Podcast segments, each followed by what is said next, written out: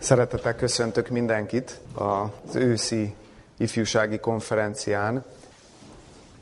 Akkor szokásunkhoz híven először a gyerekekhez szólnék néhány gondolatot. Látom, hogy itt is vannak páran, de bizonyára a képernyők előtt is ültök gyerekek.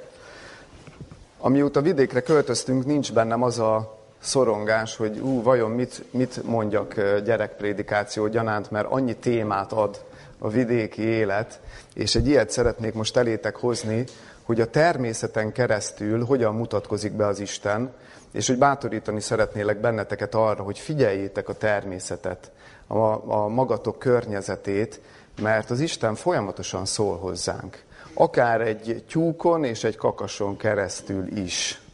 Amin keresztül még azt is hozzátenném, hogy a Jóistennek még a humora is megcsillan ebben a nyomorúságos földi életben, mert hogy nagyon vicces állat a tyúk és a kakas, ahogy, ahogy mennek. Ott volt, hogy csak leültem ott az udvar közepére, és figyeltem a tyúkot és a kakast. Nevet is adtunk nekik egyébként, Pikotta és Pikotáné, így hívják a, a két jószágunkat. És, és tényleg olyan, olyan mosolyra derült sok jelenet, például amikor úgy a kakas, nem tudom, hogy tudtátok-e, hogy mennyire figyel a tyúkra.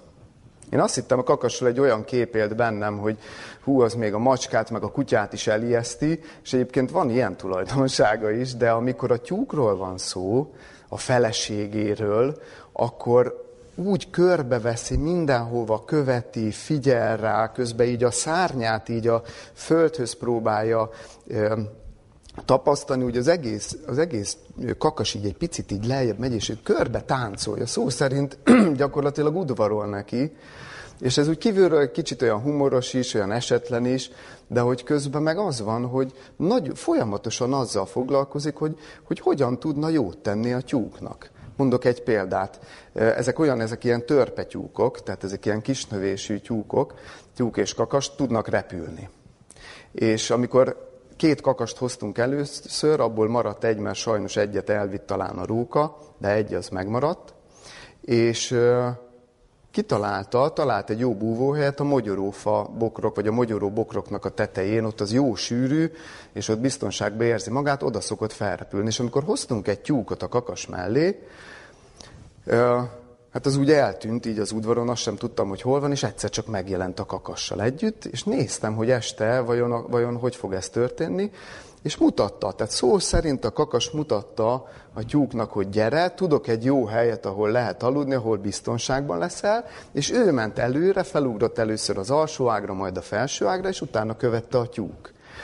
De ennél még szebb az, amikor um, talál valamit a kakas. Ugye egész napot kint kapirgálnak a területen, keresgélik a magukat, és amikor valami jó falatot talál a kakas, akkor nem az van, hogy ő eszi meg először, oda hívja a tyúkot. És mutatja neki, szó szerint ezzel a vicces mozdulattal, hogy a fejüket úgy, úgy próbálják úgy felkapirgálni a dolgok, mutatja neki, hogy egyed. És a tyúk oda jön és megeszi. És, és amikor kiszórom nekik a búzát is, már messziről szól, szól a kakas a tyúknak, hogy gyere, mert, mert, mert most étel lesz, és nem ő eszik először hanem a tyúk eszik először. És az, az az érdekesebben tudjátok, olyan szép ezt látni, hogy, hogy a Jóisten ezen keresztül is bemutatkozik, az önzetlensége bemutatkozik, mert, és szerintem ti is találkozhattatok ilyen jelenettel, akár saját tapasztalat is lehet ez, akár másokat is láthattok, hogy amikor mondjuk van egy közös ebéd a gyülekezetben, akkor sokan már így kinézzük, hogy melyik, hol vannak a legjobb falatok, és illendőségből megvárjuk az imát, de azért úgy helyezkedünk, hogy ha vége az imának, akkor gyorsan le is tudjunk ülni, hogy a legjobb falatok hozzánk kerüljenek. Hát a kakas és a tyúk nem így. Nem így él. A kakas megmutatja a tyúknak, hogy, hogy mik a legjobb falatok, és átengedi neki. És olyan, olyan szép, és ez csak egy apró jelenet, nem is akarok erről többet beszélni, csak, csak azt, azt, azt szeretném a szívetekre helyezni, hogy tényleg figyeljétek a természetet, mert, mert nagyon sokat tanít nekünk a, a jó Isten erről, és tudjátok, még az jut eszembe így a kakas és a tyúk hasonlatára, hogy, hogy van egy ilyen mondás a magyar nyelvben, biztos hallottátok már, hogy annyi eszed sincs, mint egy tyúknak. Vagy hogy annyi eszed van, mint egy tyúknak, így is úgy is szokták mondani. De ugye ezt abban az értelemben is akkor használjuk, amikor valakire azt mondjuk, hogy milyen esztelen vagy, hogy milyen butaságot csináltál. Én meg azt mondom, amikor ilyen jelenetek vannak, hogy úgy oda helyezkedünk, hogy milyen legyen a legjobb falat, hogy bár annyi eszünk lenne, mint a tyúknak, meg a kakasnak. Mert hogy sokszor okosabbak és önzetlenebbek, mint mi. Jó, úgyhogy figyeljétek a természetet, mert az Isten bemutatkozik rajta keresztül, és bárhol, bárhol meg lehet ezt tenni, mindenhol, mindenhol szól hozzánk az Isten. A, a, a legegyszerűbb fán és fűszálon keresztül is, csak elszoktunk tőle, és nem vesszük észre ezeket. Úgyhogy én erre bátorítanálak benneteket, hogy figyeljétek a természetet, és figyeljétek, hogy mit akar tanítani az Isten. Köszönöm szépen, és most hozzátok fordulnék fiatalok és felnőttek, és azt a címet adtam a mai ige hirdetésnek, hogy hogyan szerezhetünk tapasztalatokat Istennel. És rögtön az ige hirdetés elején el kell, hogy szomorítsalak titeket, mert nem tudok nektek feltárni egy olyan képletet, vagy egy olyan módszert, amit, hogyha a zsebünkből bármikor előveszünk, és azt végrehajtjuk, akkor az Istennel szerzett tapasztalatokhoz fog vezetni. Nincs ilyen módszer. És tudom, hogy a természetünk erre vágyik.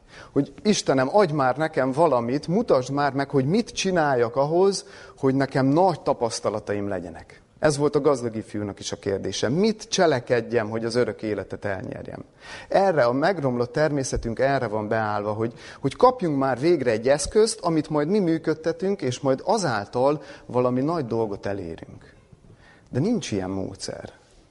Nincs ilyen módszer. Az Isten világa egészen másképpen működik. Egészen másképp működik. És ezen a ponton szeretnék felolvasni egy ige részletet, hogy jobban megérthessük azt, hogy hogyan kíván minket vezetni az Isten, hogy hogyan akar megajándékozni bennünket tapasztalatokkal.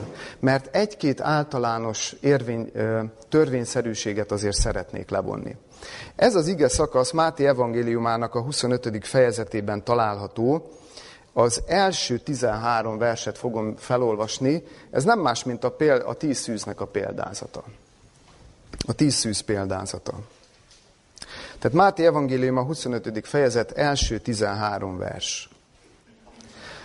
Akkor hasonlatos lesz a mennyeknek országa a tíz szűzhöz, akik elővették az ő lámpásaikat, kimentek a vőlegény elé. Öt pedig közülük eszes volt, és öt bolond. Akik bolondok voltak, mikor lámpásaikat elővették, nem vittek magukkal olajat. Az, es, az eszesek pedig lámpásaikkal együtt olajat vittek az ő edényeikben. Késvén pedig a vőlemigény mindannyian elszunnyadtak és aludtak. Éjfélkor pedig kiáltás jött, lött. Ím, hol jő a vőlegény, jöjjetek elébe. Akkor felkeltek mindazok a szüzek, és elkészítették az ő lámpásaikat. A bolondok pedig mondták az eszeseknek, adjatok nekünk a ti olajotokból, mert a mi lámpásaink kialusznak. Az eszesek pedig feleltek mondván, ne talán nem lenne elegendő nekünk és nektek. Menjetek inkább az árusokhoz, és vegyetek magatoknak. Mikor pedig venni jártak, megérkezett a vőlegény, és akik készen voltak, bementek ővel a mennyegzőbe, és bezáratott az ajtó. Később pedig a többi szüzek is megjöttek, mondván, Uram, Uram, nyisd meg mi nekünk. Ő pedig felelvén mondta, bizony mondom néktek, nem ismerlek titeket. Vigyázzatok azért, mert sem a napot, sem az órát nem tudjátok, amelynek az em- amelyen az embernek fia eljő. Sokat beszélünk erről a példázatról, és én most nem elemezni szeretném ezt a példázatot. De szól ez a példázat arról is, hogy hogyan, mi vezet oda, hogy, hogy élő tapasztalatokat szerezhetünk az Istennel. Ugyanis sokszor eljutunk odáig, amikor erről a példázatról van szó, hogy beazonosítjuk a, a szimbólumokat, beazonosítjuk, hogy az olaj, ugye az a Szentléleknek és a Szentlélekkel szerzett tapasztalatoknak a szimbóluma. Ezt ugye Zakariás könyve negyedik fejezete alapján tesszük meg. Én most az idő rövidsége miatt erre nem térnék ki, de utána tudtok nézni. De arról olyan kevés szó esik, hogy hogyan gyűjthetünk olajat a lámpásainkba. Azaz, hogyan szerezhetünk valódi, élő tapasztalatokat az Istennel. És nem csak az olaj szimbólum ebben a példázatban, hanem ugye a lámpás is, és ezt 2 Péter 1.19-ben találjátok meg a beazonosítást, hogy a, hogy a lámpás az magának az Isten beszédének, az igének a szimbóluma, és ha azt mondjuk, hogy a lámpás az igének a szimbóluma, akkor ugye arra a következtetésre jutunk az egész példázat alapján, hogy akinek ugyan van igeismerete, van lámpása, de nincs olaja, nincs élő tapasztalata az Istennel, akkor az hova vezet? Milyen sorsra jut? 12. vers. Bizony mondom néktek, nem ismerlek titeket. Tehát ez a gondolat adja meg az egész témának a valódi jelentőségét és súlyosságát. Mert eltelhet úgy az életünk, hogy gyülekezetbe járunk. Tanulmányozzuk az igét, hétről hétre nagy igazságokat hallunk, és meg is érint bennünket az ige, és végül Krisztus azt fogja mondani nekünk, hogy nem ismerlek titeket. És nem én mondom, hanem az ige, hogy igen, ez lehetséges. Hogy hogy, hogy az információ vagy az igeismeret megmarad a puszta információnak a szintjén. De akkor min múlik? Min múlik az, hogy bemehessünk majd a vőlegénnyel együtt, Krisztussal együtt az örök életbe? Min múlik az, hogy, hogy az igeismeret mellé valódi élő tapasztalatok sorakozzanak fel az életünkben? És hogy ne ragadjunk az ajtón kívül? És bizonyára, biztos, hogy érzitek ti is, hogy ez egy olyan téma, ami, aminél nagyon sok mindent lehetne összehordani. És nagyon sok mindent mondhatnánk. De én mindösszesen két szempontot szeretnék kiemelni, és a szívetekre helyezni. És az egyik szempont, az első szempont az az, hogyha jól megfigyeljük ezt a példázatot, akkor elmondhatjuk, hogy az okos és a bolond szüzek között nem az volt a különbség, hogy az eszeseknek volt tapasztalata, a bolondoknak pedig nem. Mert ha megfigyelitek a harmadik verset, azt mondja az ige, hogy elővették a lámpásaikat, de nem vittek magukkal olajat. És ez egyáltalán nem feltétlenül jelenti azt, hogy ne lettek volna tapasztalataik az Istennel. Csak nem vitték magukkal. És azért merem ezt állítani, vagy azért merek erre a következtetésre jutni, mert hogyha nem lett volna ennek, a, ennek az öt bolond szűznek tapasztalata az Istennel, akkor gondoljátok, hogy eljutottak volna oda, hogy várják a vőlegényt? Nem juthat, neke, nem juthat el egy ember oda, hogy várja a vőlegényt, hogyha, hogyha azt sem tudja, hogy kit várjon. Hogyha nincs azzal a valakivel tapasztalata akihez kötődik valamilyen szinten, akit esetleg megszeret, akkor nem várja az ember a másikat. Tehát nem az a különbség, hogy volt-e vagy nincs-e tapasztalat. Sokkal inkább mutat rá ez a példázat és ez a kis apró jelenet arra, hogy nem ápolták. Nem ápolták a közösséget Krisztussal. Hogy a mindennapoknak az eseményeiben nem ismerték fel az Isten munkálkodását az életükben. Biztos vagyok benne, hogy ezeknek a, ennek a csoportnak is voltak, akár nagy tapasztalatai voltak az Istennel. És biztos, hogy ti is találkoztatok olyanokkal, akik, akik régi nagy történeteket mesélnek, és mindig csak újra és újra ugyanazokat a történeteket mesélik el a gyülekezetben. Talán azért, mert nincs új, és nincs friss. Mert ha lenne új, élő, friss tapasztalatunk, akkor azt nem tudnánk magunkba folytani. Hogyha találkozunk az Istennel, akkor, akkor az egy olyan találkozás, amit meg akarsz osztani, amit nem tudsz magadba folytani. És én olyan szomorú vagyok, ezt hadd had mondjam el nektek, hogy, hogy hétről hétre tényleg gyönyörű igazságokat hallunk, fejtegetünk, felismerünk. Hétről hétre ezeket megtesszük, és mégis olyan száraz és hűvös idő van itt. Száraz és hűvös légkör uralkodik. Hogy lehet ez? Van egy gyülekezet, um, itt nem messze Budapesttől, akinek a lelki pásztorával jó barátságot ápolok, és időről időre meghív um, vasárnapi Isten tiszteletre, hogy, hogy igét hirdessek.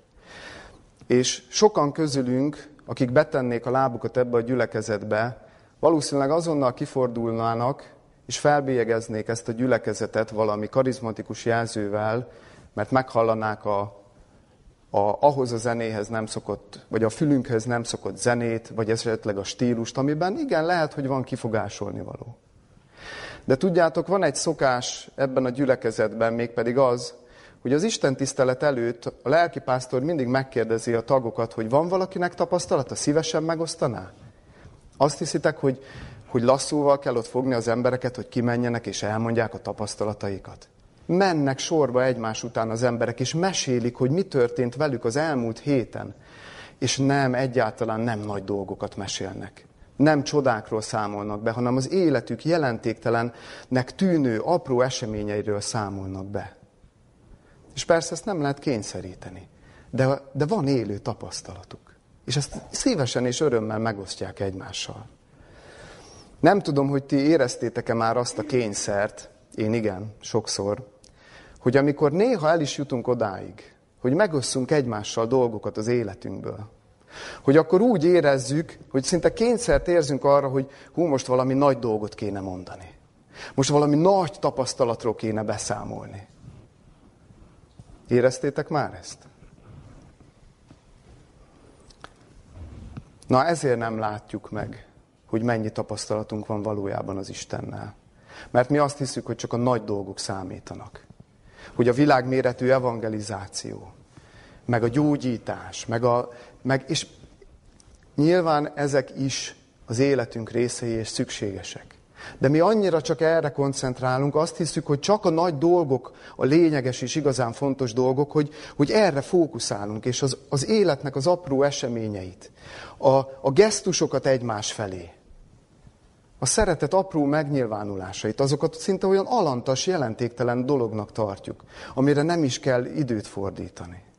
És nem látjuk meg, hogy mennyire gazdagok vagyunk, és hogy az Isten minden nap mennyi tapasztalatot ad nekünk valójában. Mi csak a nagy dolgokat tartjuk számon, és az Isten egészen másképp működik. Az ő világa egészen másképp működik. Mert éheztem, és ennem adtatok. Szomjú hoztam, és innom adtatok. Jövevény voltam, és befogadtatok engem. Mezítelen voltam, és megruháztatok. Beteg voltam, és meglátogattatok. Fogoly voltam, és eljöttetek hozzám. Csak csak egy nagyon pici finomság. Meglátogatta, beteg voltam, és meglátogattatok. Nem meggyógyítottatok, csak meglátogattatok. Fogoly voltam, és nem kiszabadítottatok.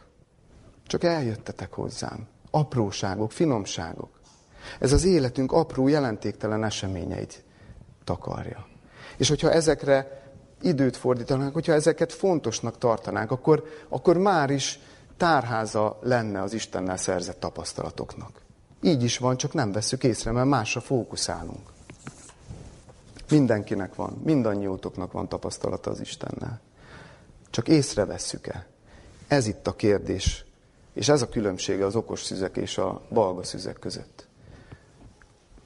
Talán még azt is megkockáztatom, hogy itt a balga szüzeknek a csoportja beazonosítható azzal a csoporttal, amit egy példázattal, illetve két példázattal később olvasunk a kecskék és a juhok példázatánál. Hát nem a te nevedben tettünk és sok hatalmas dolgot? Mert aki csak egyel is a legkisebbek közül megcselekszi, én velem cselekedtétek meg. Szóval ez az első szempont, hogy mire fókuszálunk. Mi van a homlokterünkben? Miért adunk hálát? Vagy annyira ragaszkodunk, hogy a mi életünkben is nagy csodák történjenek, hogy észre sem veszük, hogy százezer kicsi csoda történik nap, mint nap. Második szempont. Ezt úgy foglalnám össze, hogy ugye a kérdésünk az, hogy hogyan szerezhetünk tapasztalatokat Istennel. És erre mondom, nagyon sok válasz van, de talán egy ilyen összefoglaló szempont, ez a második szempont, hogy a komfortzónánkon kívül. A komfortzónánkon kívül. És persze a komfortzónánk az más és más. Mindenkinek mást jelent, hogy mi a komfortzónája. hogy hol vannak ezeknek a határai. Mert lehet, hogy egyből arra gondoltok, hogy most ez biztos azt jelenti, hogy hú, nekem már azért, azért el kellene eh, vállalnom mondjuk egy szolgálatot. Vagy bele kellene már lépnem abba a helyzetbe, hogy bátrabbnak kellene lennem. És igen, lehet, hogy valakinek ezt jelenti. De lehet, hogy valakinek annyit jelent, hogy végre eldöntse már azt, hogy milyen életet akar ő valójában élni. Hogy ne a sodródást válassza. Hogy ne, ne két szék között középre huppanjon le, hanem, hanem döntsön jó és rossz között. Hogy, hogy kit akar, vagy mit akar követni ebben az életben. Lehet, hogy valakinek ezt, ezt a döntést jelenti, hogy kilép a komfortzónájából. De valakinek meg pont azt jelenti, hogy a komfortzónán kívül helyezkedik, hogy visszavonul. Hogy a sok-sok vallásos, buzgó cselekedetből, amitől titkon nem elismertem, mert mindenki tudja, hogy nem a cselekedetek üdvözítenek, hanem hitáltal igazolunk meg, de a szíve mélyén a sok buzgó vallásos cselekedettől mégiscsak reméljük, hogy azért, azért az csak egy pici belépő lesz nekünk a mennybe. Hogy az Isten azért engem, engem ez alapján fogad el. És lehet, hogy neki pont azt kell megtapasztalnia, hogy ha nem tesz semmit, az Isten akkor is szereti. És ehhez vissza kell vonulni. És nem kell annyit szolgálni. És nem kell annyit, annyit cselekedni. Valakinek ezt jelenti a komfortzónán kívüli lét. Ezt én nem tudom megmondani, hogy kinek mit jelent. De egy biztos, hogy, és ezt észrevehettétek már ti is, és biztos, hogy észre is vettétek, hogy mindig a komfortzónán kívül vannak a nagy találkozások az Istennel. És ott szerezhetjük meg az igazán értékes és, és tényleg egész életünkre elható tapasztalatokat. Ha bibliai képpel akarok élni, akkor azt mondom most, hogy ahhoz, hogy, illetve másképp fogalmazok, ha a vízen akarsz járni, ahhoz ki kell lépni a csónakból. Ha a vízen akarsz járni, ahhoz ki kell lépni a csónakból. Soha nem fogod megtapasztalni, hogy milyen a vízen járni, ha mindig a csónak biztonságát tartott szem előtt. És ez egy nehéz lépés. Az emberi természet egyik fő bástyája a lustaság, meg a félelem, meg a megszokás. Ezek mind nehezítik, hogy kilépjünk a csónakból. De ha megtesszük, Péternek milyen tapasztalata volt? Milyen lehetett a vizen járni? Gond, gond, csak így ízleljük már meg egy picit ezt a gondolatot. Milyen lehetett a természet törvényeivel teljesen szembe menni és járni a vizen? Szerintetek ez a tapasztalat elkísérte Pétert egész életén át? Az egy dolog, hogy aztán elsüllyedt, mert levette a tekintetét Krisztusról, körbenézett, hú, nem látta már Krisztust, mert meglátta maga körül a hullámokat, és, és azt mondta, hát ez lehetetlen, és el is süllyedt. De kilépett. Kilépett. Ha életből vett képpel akarok élni, akkor engedjetek meg itt egy-két személyes tapasztalatot. Hát nagyjából egy éve, december 6-án költöztünk vidékre, és nagyjából azóta tart az a jelenség, hogy hát minden napomat nagyjából a komfortzónámon kívül vagyok kénytelen élni. Ahhoz képest legalábbis, hogy nekem mit jelentene a komfortzóna. Vagy mit jelent a komfortzóna. És hogyha nagyon őszinte akarok lenni, már pedig az akarok lenni, akkor azt mondom, hogy hát legszívesebben hogy élném az életemet, kevés munkával, sok horgászattal, olyan könnyedén. Hetente legalább ötször biztos, hogy kint lennék a vízparton és horgásznék. Ehhez képest ebben az évben voltam háromszor fél napot. És ezt most nem ilyen önsajnálatból mondom, nem panaszkodásképpen, csak, csak úgy érzékeltetni akarom, hogy, hogy nekem ez a komfortzónámon nagyon kívül esik. Mert, mert, mert szeretek horgászni. Vagy örülnék annak is, hogyha lenne úgy biztonsági tartalékként egy pár millió forint a bankszámlán, ehhez képest adóságaink vannak. Hála legyen érte családon belül, de vannak. Vagy mondhatom azt is, hogy ugye van három lassan november végén négy gyermekünk, és nekem még, nekem ez, ez a családi élet még akkor is kívül esik a komfortzónámon, hogyha a feleségem egyébként, a Sziszi nagyon ügyes, és nekem már tényleg csak a, a legkönnyebb és a legjobb részek maradnak a gyermeknevelésből. De nekem még ez mindig kívül esik a komfortzónámon. Nyavajognak, hisztiznek, hangoskodnak, állandó rendetlenség van, nekem pedig a rend 90 fokba legyen minden az asztalomon, tehát nekem az a komfortzóna. Hát gondolhatjátok három gyerekkel mennyire vannak 90 fokba a dolgok a házunkban, semennyire. De a nyavajgó gyerekeken keresztül, a hisztiző, rosszalkodó gyerekeken keresztül az Isten minden nap, tudjátok mire tanít? Szeretni. És hogyha megkérdeznétek, hogy meséljek el tapasztalatokat, nem, tudnák, nem tudnék választani, mert annyi van. Nem nagyok, nem látványosak, aprók, de rengeteg van.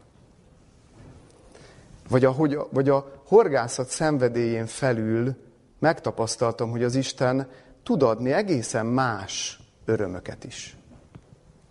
Például, amikor leszeded a körtefádról a, az éret körtét, és azt teszed, és nem a piacon veszed meg, meg nem a Tesco-ba, ami olyan kemény, mint a kő, és várhatod te azt, hogy megpuhuljon, hanem amikor leszeded éretten a gyümölcsöt a fáról, és beleharapsz. Vagy felszeded a saját krumplidat, és azt sütöd ki. Az, az egy másfajta öröm, a horgászat is egy öröm, de ez, ez egy másfajta öröm.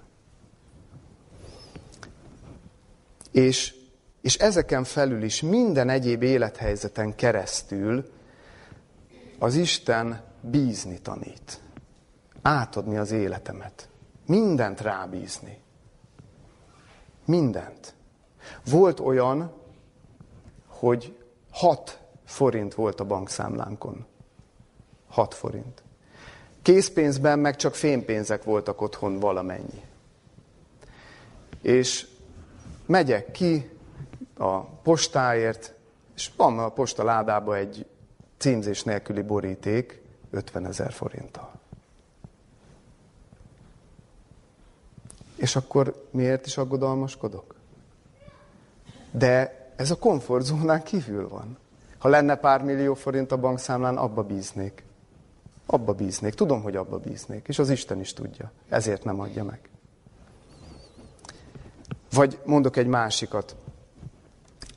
Ez, ez egy viszonylag friss. A Ariana, a kislányom, ő a legnagyobb három és fél éves, és volt egy nap, amikor tényleg annyira mindent tett, hogy szófogadatlanak voltak, össze-vissza borítottak mindent. Hát vannak ilyen szülői napok, amikor így kiakadsz, és így besokalsz. És ez is egy ilyen nap volt, és este fürödtem, és benyit a kislányom a fürdőszobába, és akkor csak így mosolyog, és rám néz, és akkor az, azt mondja nekem, hogy édesem, fürödjél. Nyilván ezt így eltanulja a sziszével való megszólításainkból, és akkor egy három és fél éves kislány, úgy, és gondoljátok, hogy eszembe jutott, hogy én most haragszom rá, vagy hogy mindent elfelejtettem, mindent megbocsátottam neki abban a pillanatban, ahogy ezt így kimondta, semmi nem jutott nekem eszembe abból, hogy milyen nehéz volt az a nap, mert egy óriási öröm. És amikor ezt kimondta a kislányom, és ez az öröm úgy át, átvillant rajtam, meg megéltem, akkor feltett viszont egy kérdést az Isten. Hogyha te így viszonyulsz a gyerekedhez, akkor miért nem hiszed el, hogy én is ugyanígy vagyok veled? Sőt, még inkább ugyanígy vagyok veled. Még inkább ugyanígy viszonyulok hozzád, még inkább ugyanígy szeretlek téged, és bármi rosszat tettél, Felejtsd már el, hogy vezekeljél ezél, meg bántsad magadat miatta. Gyere, rendezd velem az ügyet, és menjünk tovább. Miért nem hiszed el? Ezt a kérdést tette fel. Azóta is ez a kérdés motoszkál bennem, és foglalkoztat, hogy miért nem hiszem el. Két szempontot említettünk. A közösség ápolása a mindennapi apró dolgokban az Isten velünk való együtt lakásának a felfedezése, fókusz a, fókusz a kis dolgokra, és a komfortzónán kívüli élet. Hogy mennyire merjük elhagyni a komfortzónánkat. De ezt a két szempontot összeköti egy kérdés. Összeköti egy kérdés. És ez a kérdés egy nagyon egyszerű kérdés. Az a kérdés, hogy szereted-e a megváltódat? Hogy szereted-e Krisztust? Mert csak azokat az emlékeket idézzük fel szívesen, amire jó emlékezni, mert olyan valakivel esett meg, akit szeretünk. Csak azzal akarjuk megélni az életünk minden eseményét, a legapróbbat, a legjelentéktelenebbnek tűnőt, azzal akarjuk megosztani csak a minden dolgunkat, szívünk minden rezdülését, akit szeretünk, mert akiben nem bízunk, és akit nem szeretünk, azzal nem fogjuk megosztani. De csak annak a kedvéért akarjuk és fogjuk elhagyni a komfortzónánkat, akit szeretünk. Ha valaki nekem azt mondja, aki nem szeret engem, hogy járjak a vizen, nem fogok kilépni a csónakból, mert nem bízom benne. De is ezt mondhatnék itt most nagyon sok példát. Ez a kérdés köti össze a, a, ezt a két szempontot. Hogy szereted-e Krisztust?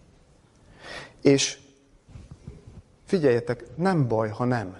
Ha erre a kérdésre őszintén a szívetekben az a válasz, hogy nem, nem baj. Mert akkor megkérhetitek, hogy tanítsa meg, hogyan kell őt szeretni, és meg fogja mutatni. De az őszinteség az alapja. Mert hogyha azt mondjuk magunkban, hogy persze én szeretem Krisztust, de közben meg nem, abban nem tud belenyúlni az Isten, vagy nagyon nehezen. De ha őszinte vagyok, azt értékeli. De egy dolgot azért mégis szeretnék mondani, vagy egy szempontot, hogy, hogy hogyan lehet őt megszeretni, és hogy miért fogjuk mi egyáltalán megszeretni Krisztust. És nem kell sok ehhez sem. Nem módszer, nem valami látványos nagy dolog ez, hanem csak annyi, hogy nézd a példáját. Gondolkodj a példáján.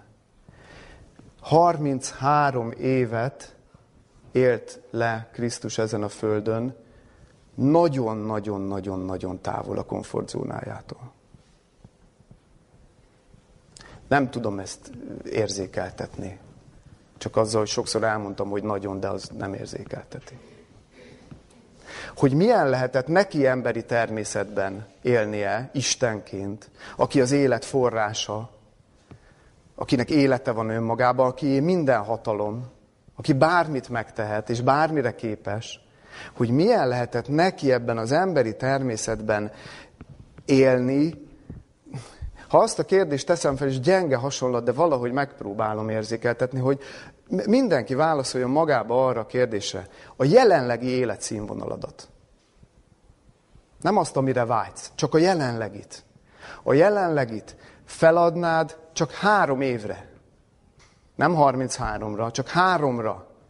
Mindent magad mögött hagynál le, és választanád-e a legkeményebb magyarországi mély szegénységet, tudván, hogy ott még valami jót is kellene tenned, és tudván azt előre látván, hogy semmit nem fogsz kapni, sőt, elutasítást, meg állandó bajkeverést, a jelenlegi életszínvonaladat három évre, három napra feladnád? Krisztus 33, évig ad, 33 évre adta fel. És mondom, gyenge a hasonlat. És mit gondoltok? Miért döntött így? Ez a leglényegesebb kérdés. Miért döntött így? Ha mi nem tennénk meg három hétre sem. Talán három napra, talán. Három évre biztos, hogy nem. 33 évre meg főképp. Ő miért döntött így?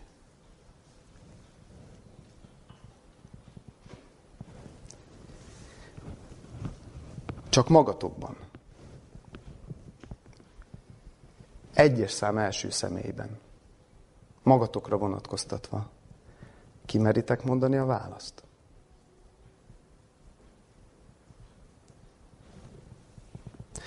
Na, ha majd szóba merünk állni, úgy igazán, az Isten és Krisztus szeretetével. Ha, ha őszintén el is hisszük majd, hogy ő hogyan viszonyul hozzánk, hogyan tekint ránk, milyen viszonyban akar lenni velünk. És hogyha majd az Isten szeretetéről alkotott elképzeléseink, az információ szintjéről, a nyers, puszta információ szintjéről, a valóság olyan valósággá válik az életünkben, ami megrengeti az egész lényünket, na majd akkor, majd akkor, akkor azt fogjuk tapasztalni, hogy csak úgy magától, úgy, úgy anélkül, hogy mi bármit is tettünk volna ezért, úgy magától hirtelen az egész életünk, az egész életünk egy nagy, egybefüggő Istennel szerzett kaland és tapasztalat lesz. De csak akkor. És én ezt, ezt kívánom, nem kívánhatok ennél többet, mert ez a, ez a lényege mindennek. És én ezt kívánom most nektek és mindannyiunknak, hogy, hogy,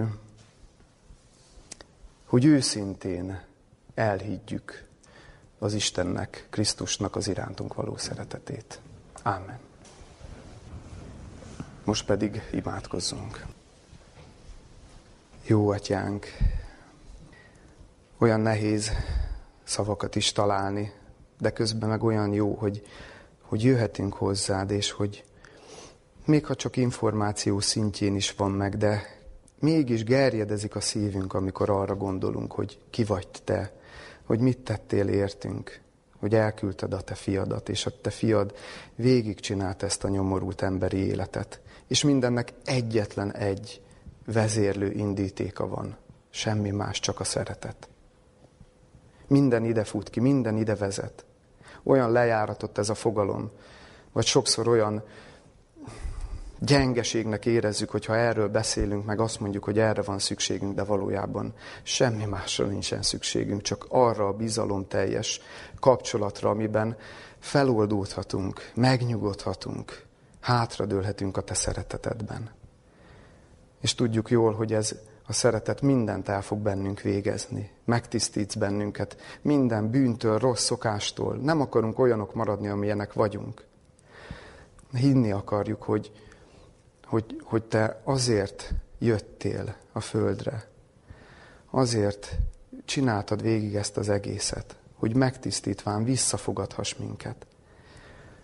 És köszönjük, hogy ennek, a, ennek igazából tényleg csak annyi a feltétele, hogy, hogy bizalomra jussunk veled. És hogyha ez megvan, és ez őszinte, és ez valódi, akkor te mindent elvégzel bennünk. Erre vágyunk, és mindannyiunknak más az uta ehhez. Mindenkit egyénileg vezetsz, egyéni úton. Kérünk, hogy vezess minket. Vezess minket el Krisztushoz, vezess minket el a te szeretetedhez. Amen.